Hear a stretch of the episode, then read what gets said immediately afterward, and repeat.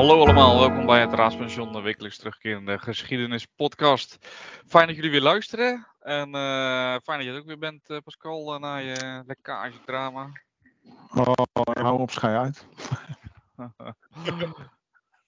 ja, ja, het zijn altijd vervelende dingen. Maar um, ja, laten we eens even naar het nieuws een beetje gaan kijken. want voor, voor mij had het vorige keer hadden we het er ook al een beetje over, over de tanks naar Oekraïne. Het ja. dacht misschien is wel even leuk om uh, met een ex uh, uh, soort van tankcommandant het over tanks te hebben. Ja, ja. Ja, laten we het inderdaad eens even over tanks hebben. Ja, kijk, dan, dan kunnen we nu al één ding ontkrachten. Ik ben officieel geen tankcommandant geweest. Want daar zit alweer een verschil in. En die verschillen die kunnen we dan denk ik misschien ook nog wel eventjes aanhalen. Want wat is dan precies een tank? Waar komt de naam tank vandaan? En uh, welke tanks gaan er natuurlijk nu uh, richting de Oekraïne? Ja, precies. Nou ja, als we kijken eh, naar de eerste tank, dan denk ik aan Leonardo da Vinci. Jeetje. Ja, het, het is, je doet de, de naam geschiedenispodcast ook wel weer eer aan. Hè? Als je daar al... ja. Stel Leonardo da Vinci, dat is... Uh, wat is dat? 15e eeuw? Ja, 1485 uh, uh, deed hij een soort van schets tekenen. Uh, ja, een soort van de eerste tank ontwierp hij daar. Hij heeft natuurlijk veel dingen uh, soort van geprobeerd te ontwerpen. Zoals een helikopter die waarschijnlijk in het echt niet echt zou kunnen vliegen. Maar hij had wel een soort schets gemaakt van een soort van helikopter. En dat heeft hij dus ook gedaan met een tank. En hij noemde hem zelf noemde, noemde hij hem een afgedekte wagen. En um, ja, het is eigenlijk meer een soort uh, wagen inderdaad, waar een soort schildachtig panzer overheen uh, uh, gezet is. En een dertigtal kanonnen. En door middel van zwengels en tandwieltjes kon je dan zowel de wagen laten rijden als natuurlijk hem laten draaien. En het grappige is dat ze in 2009 hebben ze op de Discovery Channel hebben ze hem nagebouwd. En uh, en ondanks dat het wel een beetje een moeilijke aandrijving was en dat het best wel, die zwengels best wel zwaar gingen, bleek toch dat die tank ook op zanderig terrein kon, kon rijden. Dus dat was wel, uh, dat was wel grappig.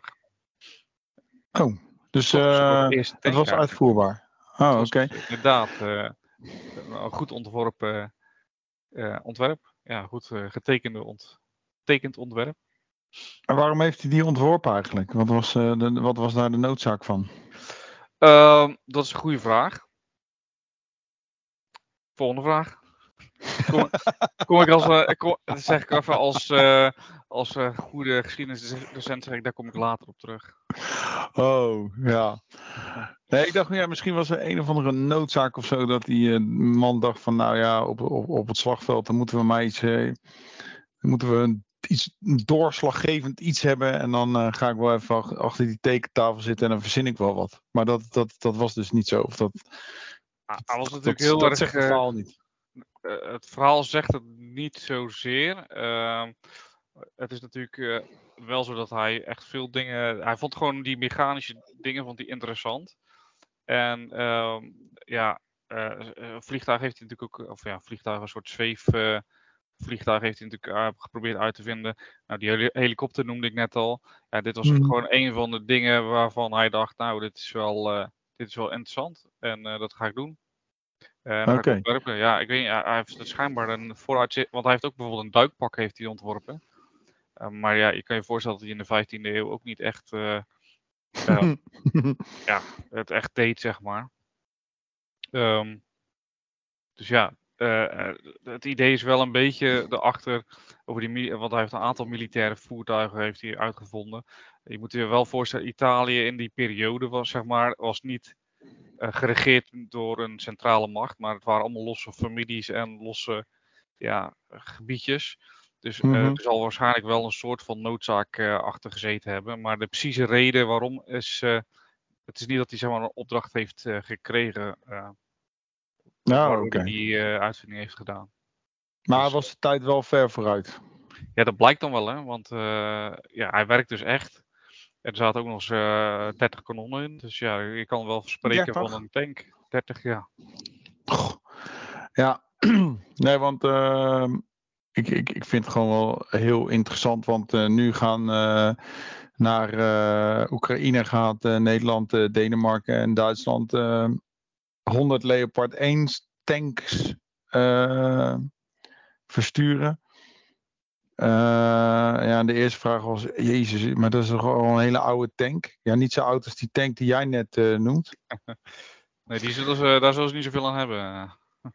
Nee, eh, deze tank die komt uit de jaren 60 en uh, ja, dan zou je zeggen, hey, dat is al dik, ja, bijna 60 jaar oud misschien dat ding. Is dat niet oud? Dat, ja, ja, goede vraag. Nou, dat, dat valt dus eigenlijk wel mee. Want als je dus ziet in de ontwikkeling van de tank, waar we het dus straks over gaan hebben. Uh, dan zie je dus dat in de jaren 60, uh, eh, toen nog de Koude Oorlog er was, uh, dat de ontwikkeling van de tank echt keihard ging. En dat zowel het Westen als het Oosten heel druk bezig waren met het ontwikkelen van tanks. Waarvan de Leopard 1 inderdaad daar een, een mooi resultaat van is. Maar dat je dus ziet dat in, in de jaren 90, nou, Hè, voor, de, voor onze luisteraar die dat ongetwijfeld weet. Hè, 89, uh, daar valt natuurlijk die muur. En dan zie je dus dat in legers de, de, de tanks eigenlijk niet meer zo'n hele grote rol uh, spelen. Omdat nou ja, de legers die eerst lijnrecht tegenover elkaar stonden, zich meer bezig gingen houden met vredestaken. En dat die doorontwikkeling van die tank in de jaren 90 en in de jaren 2000 niet meer zo, zo hard lopen. Uh, dat daar eigenlijk een gat is gevallen. En dat dus die uh, Leopard 1 en later Leopard 2 uh, eh, nog best wel, eigenlijk best wel hele goede tanks zijn. Ondanks dat ze best wel gedateerd zijn. Maar over die types en zo, daar gaan we dan nog wel, ja, daar, kunnen we heel uitgebreid over hebben. Maar ja, doordat dus de ontwikkeling stilstaat, omdat ja, wij dachten dat het oosten niet meer zo'n hele grote vijand zou worden, het oostblok staan eigenlijk een beetje die ontwikkeling van die tank stil. Dan zie je dat die Russen ook nog een paar keer goed op hun donder krijgen met die tanks. Hè. Dat zijn nu dezelfde tanks die de Russen nog steeds gebruiken. En dat die westerse tank daar gewoon superieur aan is. Dus ja, kortom, we kunnen denk ik nu wel zeggen dat die Leopard 1 A5, die ze daar naartoe gaan sturen, dat het echt wel een, ondanks dat hij wel op leeftijd is, wel echt een goede tank is die ja, daar wel, wel een verschil kan gaan maken op het, op het slagveld. Ja, en is het, want is dan, dat vraag me nou af, als ik dan kijk zeg maar, naar de nieuwsberichten, dan lees ik toch dat zeg maar, al zo'n 40% van, uh, van de panzervoertuigen zijn uitgeschakeld van de Russen.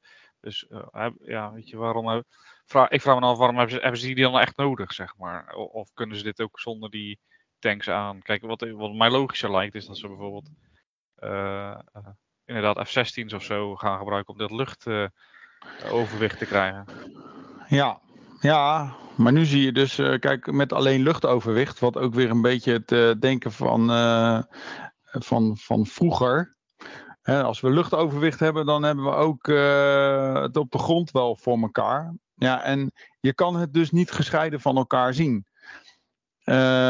Dat zag je natuurlijk ook in de, in de Golfoorlog waarin uh, Russische tanks echt gewoon, uh, ja, door de, ja, die werden dan gebruikt door de Irakezen. Nou, die werden echt bij bosjes werden die afgeschoten. Daar kwam die T-72 kwam er echt heel slecht uit. Die werd gewoon in de pan gehakt door die Abrams uh, tank. en daarnaast was het natuurlijk een mooie combi met het lucht, luchtoverwicht. Maar je kan niet het één. Kijk, als je het één hebt, je moet het allebei hebben. Je kan niet zeggen, ja, we hebben alleen maar luchtoverwicht, want dan heb je op de grond niks te vertellen. Uh, de tank, die moeten ze wel gaan hebben, omdat ze, uh, nou ja, als straks de Oekraïners uh, hun, hun, gebied willen gaan terugveroveren, dan is die tank essentieel. En hij wordt helemaal eh, dodelijk als je hem natuurlijk samen met dat, ja, met, met, met, met, met straaljagers gaat gebruiken, zodat je wel vanuit de lucht als vanaf de grond het gevecht kan starten. En ja, dat hebben we eigenlijk wel een beetje van de Duitsers geleerd, hè? Ja, ja, die waren daar natuurlijk uh, superieur in. Want uh, dat, dat vond ik wel interessant. Weet je, iedereen heeft het altijd over de blitzkrieg en dat soort zaken. Maar um, ik had uh, op een gegeven moment ook een documentaire gezien en daar ging het dan over het gebruik van de tanks, weet je. En het verschil, want in principe hadden de geallieerden, die hadden veel meer tanks als de Duitsers in de eerste dagen van, van de oorlog.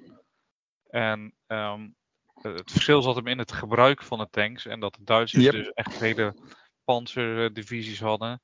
En dat uh, de Fransen en de Britten eigenlijk de tanks onderverdeelden onder de infanteriedivisies. Als een soort ondersteuningswapen. Dus dat vond ik wel interessant om te zien dat zeg maar, zo'n inschattingsfout eigenlijk. Uh, ja, ja, je kan nu achteraf zeggen inschattingsfout natuurlijk. Uh, op dat moment vonden ze het heel slim. Dat dat dus eigenlijk ervoor zorgde dat die Duitsers die tanks het optimaal konden gebruiken. Ja, en dan moeten we toch echt terug naar de Eerste Wereldoorlog. Want uh, ja, daar zie je dus dat, uh, dat er een loopgravenoorlog uh, ontstaat. eigenlijk een beetje wat nu, 100 jaar later, nu, wat er nu gebeurt ook in Oekraïne. Het front schuift niet op, mensen gaan zich ingraven. Of legers gaan zich ingraven. En uh, ja, dat, dat front dat schuift dus niet op. En dat was in de Eerste Wereldoorlog dus ook. Uh, Engelsen zien daar uh, ja, eigenlijk wel een noodzaak om, om dat front te gaan doorbreken. De Fransen doen dat dus ook. Die, die zien daar ook een noodzaak in. Want ja, hoe lang ga je dit volhouden? Als je kijkt naar de gelijkenissen met nu, dan vind ik dat echt super beangstigend. Dan denk ik, nou ja, dan hebben we inderdaad helemaal niks van de geschiedenis geleerd. Ja, en dan gaan ze dus toch iets maken. En misschien heeft dat wel, hebben ze de tekeningen van Leonardo erbij gepakt. Maar ze gaan dus toch iets ontwikkelen wat, ja, wat dus eigenlijk een, ja, wat een, wat een soort van tank moet gaan worden. Maar ja, de vraag is waarom heet het dan een tank? Want het heeft helemaal geen ene recht met een tank te maken. Maar dat was dus de codenaam die ze eraan gaven. Dus de mensen die dus aan, dat, aan die tank gingen werken, of aan dat ja, eigenlijk geheime wapen wat het dan was. Daar zeiden ze van ja, het wordt een soort ja, watervoorzieningsmiddel. En uh, ja, je gaat eigenlijk aan een tank werken. Dus vandaar dat dus de Engelse benaming voor zo'n strijdwagen is dus uh, tank. En dat, nou, dat, dat gebruiken we nu nog steeds. het tankwapen. de Duitsers noemen het overigens een panzerkampwagen. Een, een, een gepantserde strijd, strijdwagen. Ja, en zo zie je dat dus in die Eerste Wereldoorlog ontwikkelen. En wat jij zegt, ja, klopt helemaal. Uh, zij zien het als een ondersteuning van de infanterie. Dat vind ik dan ook weer mooi, hè? Infanterie, enfant, jonge mensen, eigenlijk kinderen die ze vooruitsturen. Niet in de Eerste Wereldoorlog, maar daar komt dat woord uh, vandaan. En de tankeenheden, ja, dat worden eigenlijk de cavalerie-eenheden. Want wat ze vroeger met paarden deden, chevalier, hè, op mijn beste Frans, we waren dus paarden. En uh, ja, die nemen eigenlijk een beetje die traditie over van, dat, uh, ja, van, de, uh, van de eenheden die dus te paard ten strijde trekken. Ja, en het grote uh, waarom die tank niet zo doorslaggevend is geweest in de Eerste Wereldoorlog, is al dat je ziet dat ze het combineren met infanterie. Die tank kon ook niet hard, hè? Volgens mij ging hij nog langzamer dan een, uh, een, een infanterist te voet. Zo'n grote lompe kolos uh, door de modder heen rijden. En ja, hij maakt daar, ja, hij kan daar niet echt zeg maar doorslaggevend zijn grappig is, wat ik net zei met die Leopard 1 tank in de jaren 70, 80, uh, dat die ontwikkeld is en dat het erna stil komt staan. Dat gebeurt eigenlijk ook in de jaren 20. Want in de jaren 20, uh, daar zie je dus, nou jongens, en daar komt hij weer, zo'n oorlog als die we hebben gehad, die willen we nooit meer. Nee. Nou, maar uh, in de tussentijd, zo eind jaren, nou ja goed, over wat Hitler allemaal heeft gedaan met, met Duitsland en zo, dat weten we ook allemaal. Maar in ieder geval, dat, dat tankwapen, dat komt weer uh, een beetje naar boven. En uh, dat Duitse leger, wat uh, niet zo groot mag worden en wat ook geen panzerwagens meer mag hebben, ja, dat ontwikkelt zich toch.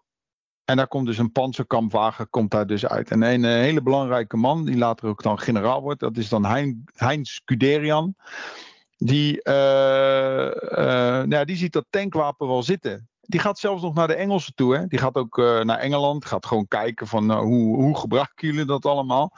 Oh, doen jullie dat zo? Nou ja, zo doen we dat. Hè? Infanterist denk je daarnaast. Infanterist denk je daarnaast. En die Fransen doen precies hetzelfde. Oud-denken. En uh, die Heinz, die denkt nou, dan gaan we toch anders doen. En die ontwikkelt een nieuwe doctrine voor wat betreft het inzetten van het tankwapen. En wat jij ook al zegt we gaan die tanks concentreren. Dus we gaan gewoon met complete tank-eenheden. Want die tanks worden ook in de jaren 30 worden ze zeker doorontwikkeld. En dan zien ze al snel dat die tanks al sneller kunnen rijden dan dat ze een infanterist kan optrekken. Ja, en dan krijgt die Heinz Guderian, die krijgt echt een supergoed idee. En die denkt van ja, als zij harder kunnen uh, rijden dan uh, een infanterist kan lopen, dan kan je hem mooi als stootwapen gebruiken. En uh, kan je dus heel snel door vijandelijke linies heen, heen breken. Nou, en als je het ook nog eens een keer met vliegtuigen erbij doet. En je laat die vliegtuigen cruciale plekken in het achterland van, van de vijand aanvallen. Ja, dan krijg je je blitzkrieg. En zo ontwikkelen ze dus dat tankwapen. En dan zie je dus in de Tweede Wereldoorlog dat die tanks, uh, ja, voor die Duitsers, ja, die, die, die geallieerden weten niet wat ze overkomt. Die tanks die rukken op en die rijden in, in poep en een scheet reizen door naar, naar de plekken die ze willen veroveren. Ja, dat vond ik, ik vond het ook interessant om dan te zien dat die geallieerden eigenlijk niet zo goed weten wat ze ermee aan moeten, moeten. En dat ook die ontwikkeling dus eigenlijk een beetje achterblijft. Uh, maar wat ik wel interessant vind, en misschien kom je daar zo op hoor, maar dat die ontwikkeling van die geallieerden op een gegeven moment dan de MV Sherman oplevert, die eigenlijk een soort van massa geproduceerd kan worden op een gemakkelijke manier. Maar dat die Duitsers dan toch meer trekken naar groter en geavanceerder. En ik denk niet dat ze zeg maar, de oorlog uiteindelijk hadden kunnen winnen, maar ik denk wel dat die langer had kunnen duren als ze zeg maar niet naar zo'n zo'n Koningstijger of zo'n, zo'n uh, ja, eh, vorige keer had het over de Maus en de, en de, nou dat waren helemaal bizar grote tanks. Als ze die ja. ontwikkeling niet hadden gedaan en alleen die uh, Panzerkampfwagen 4 hadden blijven ontwikkelen, dat ze toch langer hadden kunnen rekken misschien wel. Uh, ik weet niet hoe jij dat uh, Ja, ja, daar gaan wel de, de theorie over dat dus verschillende bedrijven, Duitse bedrijven, krijgen inderdaad dan een opdracht om iets te ontwikkelen. En dat heet dan ook een tank. En dan zie je dat er inderdaad een aantal tanks worden ontworpen. Sterker nog, in de Duitsers in de, voor, eh, toen in het begin van de Tweede Wereldoorlog hadden ze nog heel veel uh, tanks eigenlijk buitgemaakt hè, op de landen die ze hadden binnengevallen. Dus heel veel uh, Tsjechische tanks gebruikten ze. Uh, ook Franse tanks, want ze hadden nog niet zo superveel. Hè. Maar op een gegeven moment gaat die ontwikkeling, die, gaat, die wordt meer en meer en meer. Ja, en verschillende bedrijven die gaan dus die tanks ontwikkelen met verschillende onderdelen.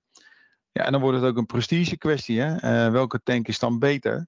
Ja, en dan wat jij ook zegt, dan is die, de algemene opvatting: de tank moet zo groot mogelijk, zo zwaar mogelijk. en dat, ja, dat is eigenlijk wel een hele grote, grote misvatting. want je ziet eigenlijk dat, dat, nou ja, niet kwantiteit, maar in ieder geval veel je moet veel hebben, makkelijk te produceren en ook makkelijk te bedienen en makkelijk te onderhouden.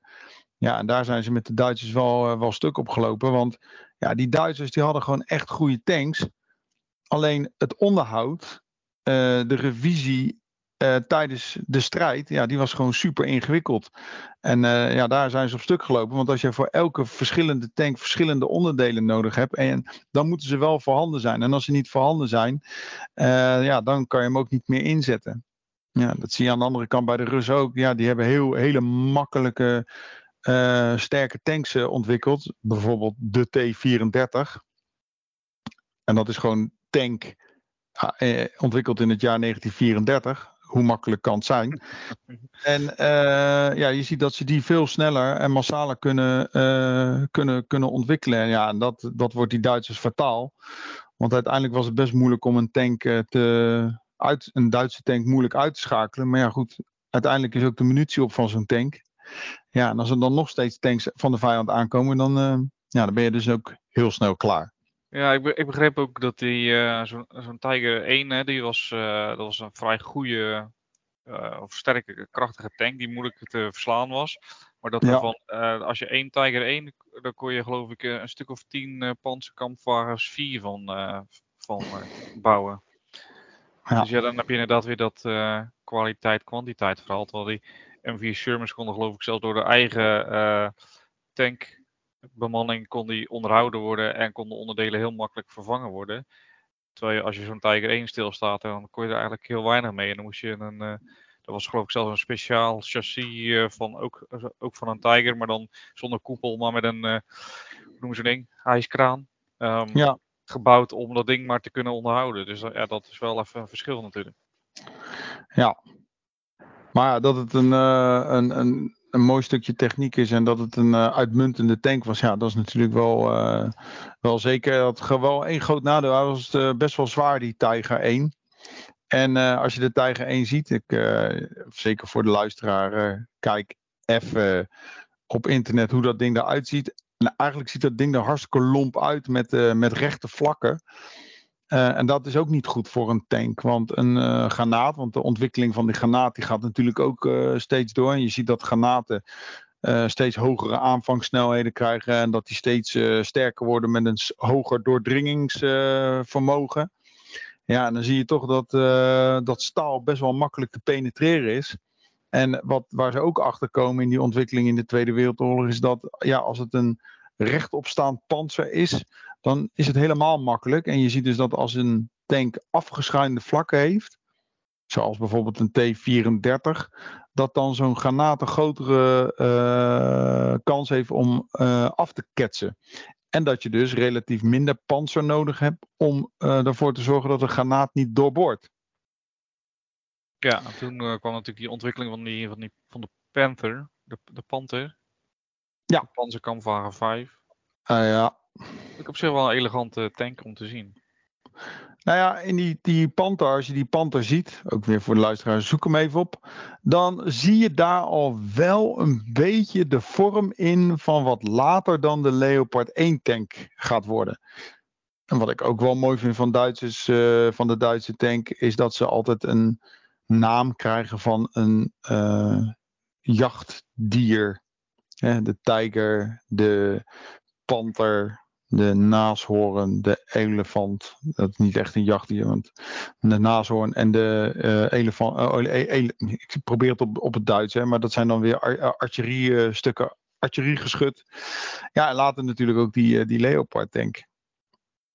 Ja, die doen het eigenlijk best goed, maar zaten te ingewikkeld in elkaar. Ja, ja, en dat was dus uh, onder andere een reden waarom ze natuurlijk uh, sneller de oorlog verloren. Uh, veel tijdens de, het Ardennen-offensief zie je ook dat er veel koningstijgers, die, dat is dan weer de upgrade van de Tiger 1, dat die eigenlijk zonder slag of stoot uitgeschakeld worden omdat ze gewoon geen benzine meer hebben of de transmissie is, transmissie is kapot. Weet je, ja, dat zijn allemaal eigenlijk best kneuzig.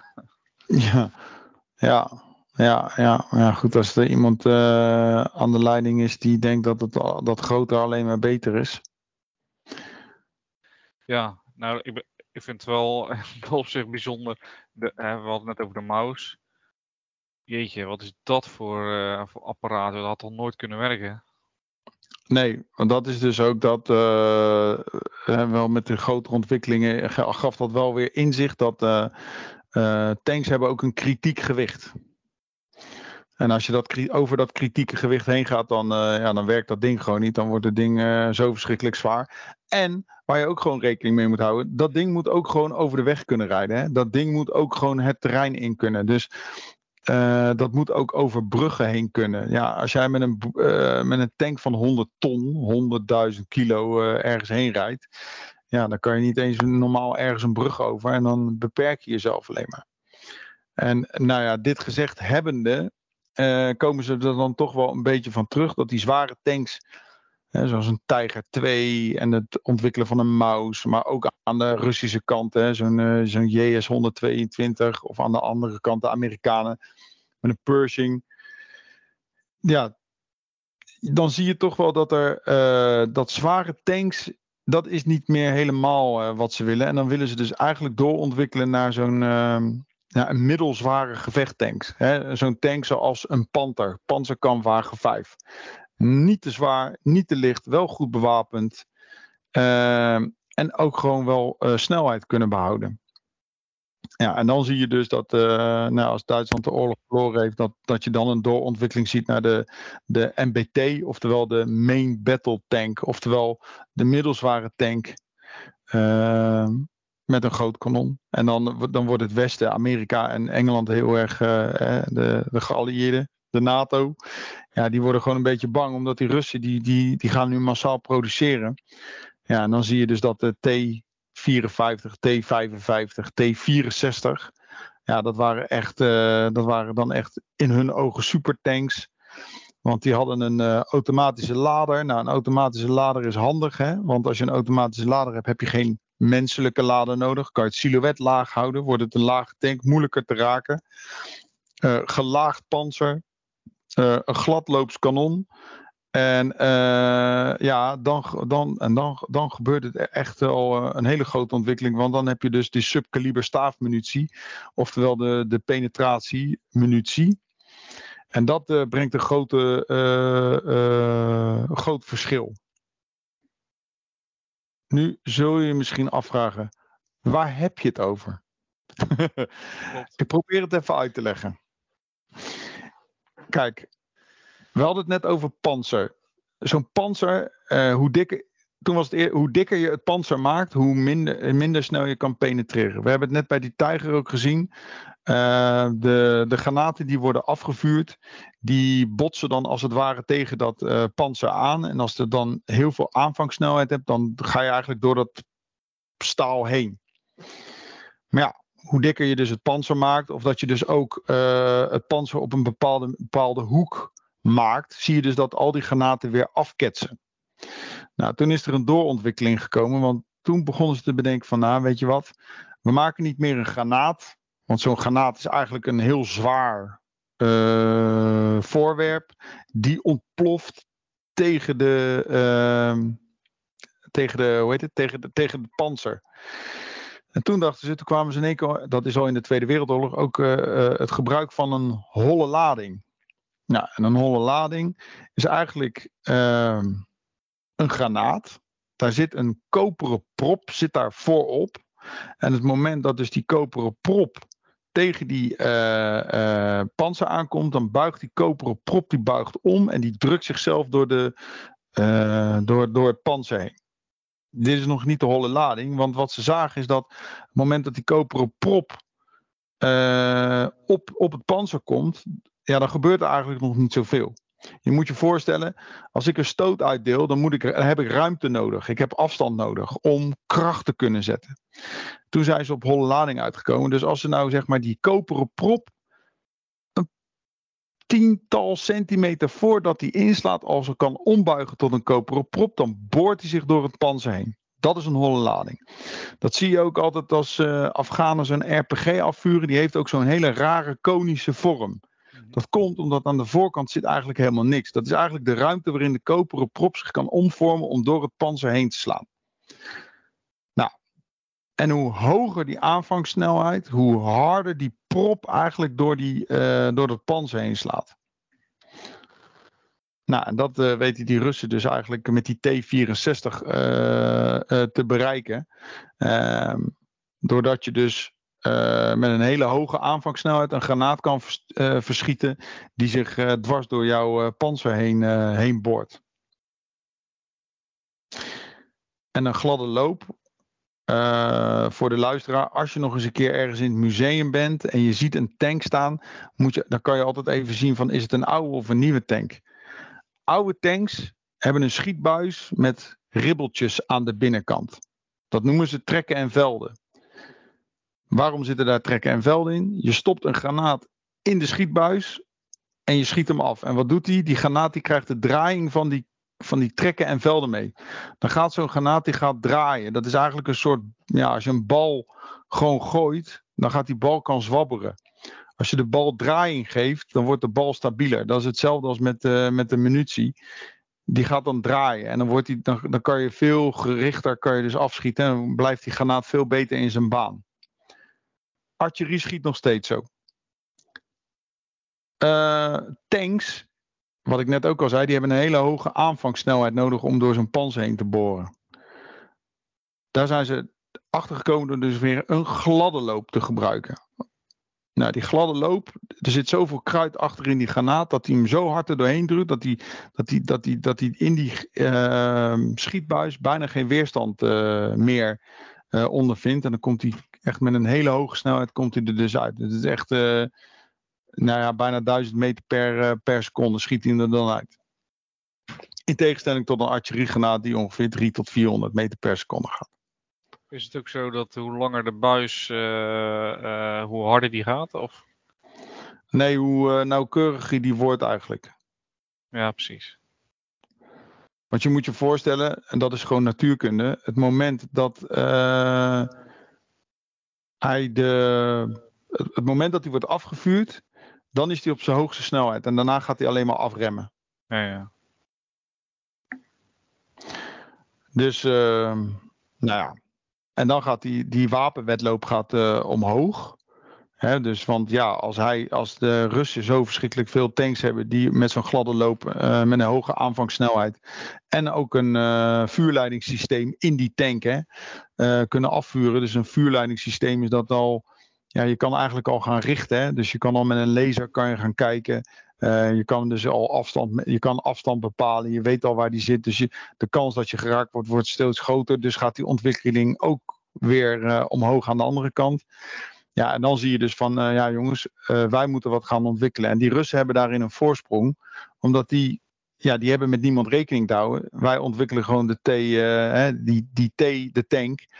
En dat doen we gewoon allemaal hetzelfde. Maar ja, in Europa, en dan kan je afvragen of dat een voordeel is of een nadeel, zijn dus verschillende landen bezig met het ontwikkelen van een tank. En in eerste instantie zijn dat alleen maar de Engelsen en de Amerikanen.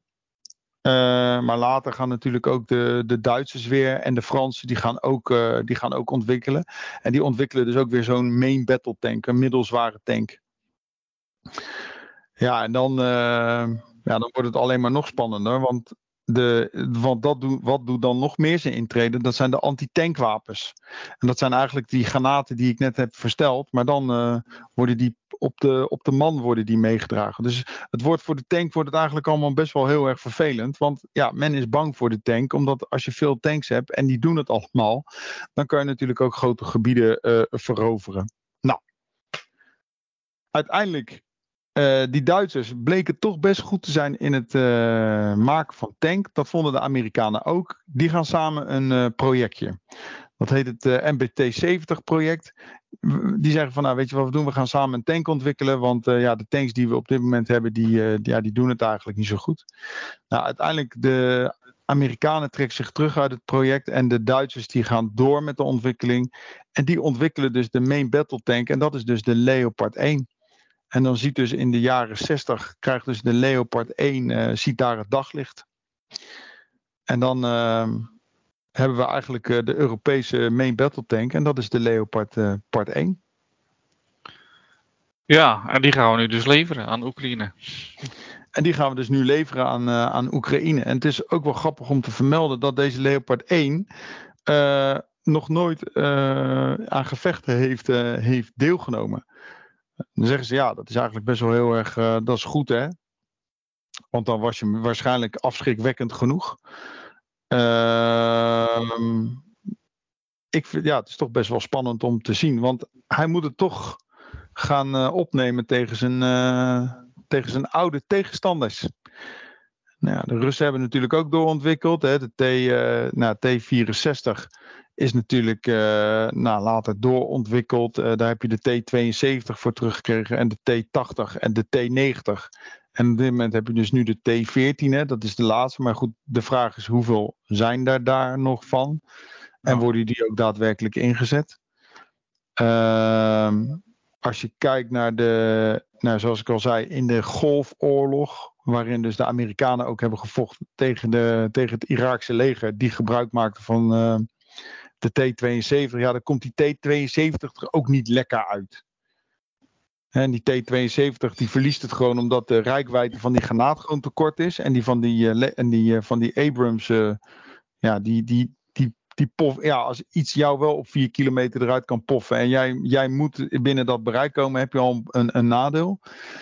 En um, ja, als die een directe hit op zijn, op zijn toren krijgt, dan is gelijk ook die toren die ligt eraf. Daarom zie je ook altijd bij een T72 die wordt geraakt. Die liggen altijd uit elkaar. De toren en het onderstel zijn altijd gescheiden. Omdat die, uh, ja, die, die granaten worden in de toren opgeslagen. En bij een, uh, bij, als die geraakt wordt door zo'n granaat, dan is het gelijk. Uh, dan ontploft gelijk de hele voorraad granaatvoorraad. Ja, dan is het, dan is het klaar. Dus ja. Ja, het is wel spannend dan nu uh, voor die uh, Leopard uh, eens eigenlijk om te kijken hoe je het dan doen op dat slagveld natuurlijk. als, als die, die anderen zijn al zeg maar battle tested en deze nog niet. Nee, maar goed, ze hebben natuurlijk best wel veel ervaring opgedaan. ik denk ook dat die Leopard 1, die heeft een 105 mm kanon. Uh, daar kan natuurlijk verschillende munitie in. De munitie die ik net heb beschreven. Ja, het gaat uh, denk ik ook om uh, hoe gaan we dat ding bepanseren. Want uiteindelijk ja, moet dat ding wel bepanserd worden. Daar, gaan ze nu ook, daar zijn ze volgens mij nu ook mee bezig. Ja, en, want dat is nu, ze hebben nu toch ook die reactive armor of zoiets? Ja. Ja, dat is wat ik net zei. Hè? Als zo'n granaat wordt afgevuurd, dan een reactief panzer zorgt er dus voor dat die dat die granaat niet in de buurt kan komen van die eh, tank, doordat je er zelf alweer iets op afvuurt. Ja, ja, ja. Dus uh, ja, dat gaat er nu op. Dus uh, ja, ja, ik ben heel erg, ja, ik ben heel erg benieuwd. Ja, en als, de, als dit dan door, zo doorgaat, ja, dan zullen. ik bedoel, Canada levert nu ook al die Leopard 2 tank. Dat is dan de, het opvol, de opvolger van de Leopard 1. Goh, en, ehm, alleen ja, die heeft dan alweer een wat groter kanon. Uh, die heeft een 120 mm kanon. Is zwaarder. Uh, is ook beter bepanserd. En is ook sneller. Tja. Maar, want we hadden het net over die Duitsers hè, met die verschillende tanks natuurlijk. Dat, uh, dat dat eigenlijk zorgt dat je dus onderdelen mist. Of dat je dus uh, verschillende onderdelen hebt. Dat zal natuurlijk nu ook zijn als je uh, want ik geloof dat de Amerikanen ook de M, M1 uh, eh, gaan leveren.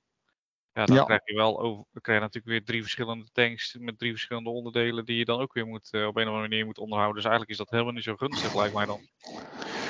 Nee, daarnaast is het natuurlijk ook zo dat je verschillende, ja, dus een tankbemanning, die moet je natuurlijk ook op, op, opleiden. Uh, het werkt denk ik allemaal, ja, uiteindelijk in principe werkt het allemaal wel hetzelfde, maar net dan weer toch even anders. Uh, ik weet het niet, hele simpele dingen misschien. Amerikaanse tank, uh, werkt het weer in uh, voeten en weet ik veel. En dan een, een, Duitse tank weer in meters. Ja, ehm, ik weet wel, richting aangeven doen ze in het leger in mils, niet in graden. Uh, maar het is net allemaal anders. Maar ja, wat je net zegt, uh, het onderhoud kan net even iets anders zijn. Ik weet dat zo'n Abrams, zo'n A1, die uh, rijdt, dat rijdt met een gasturbine.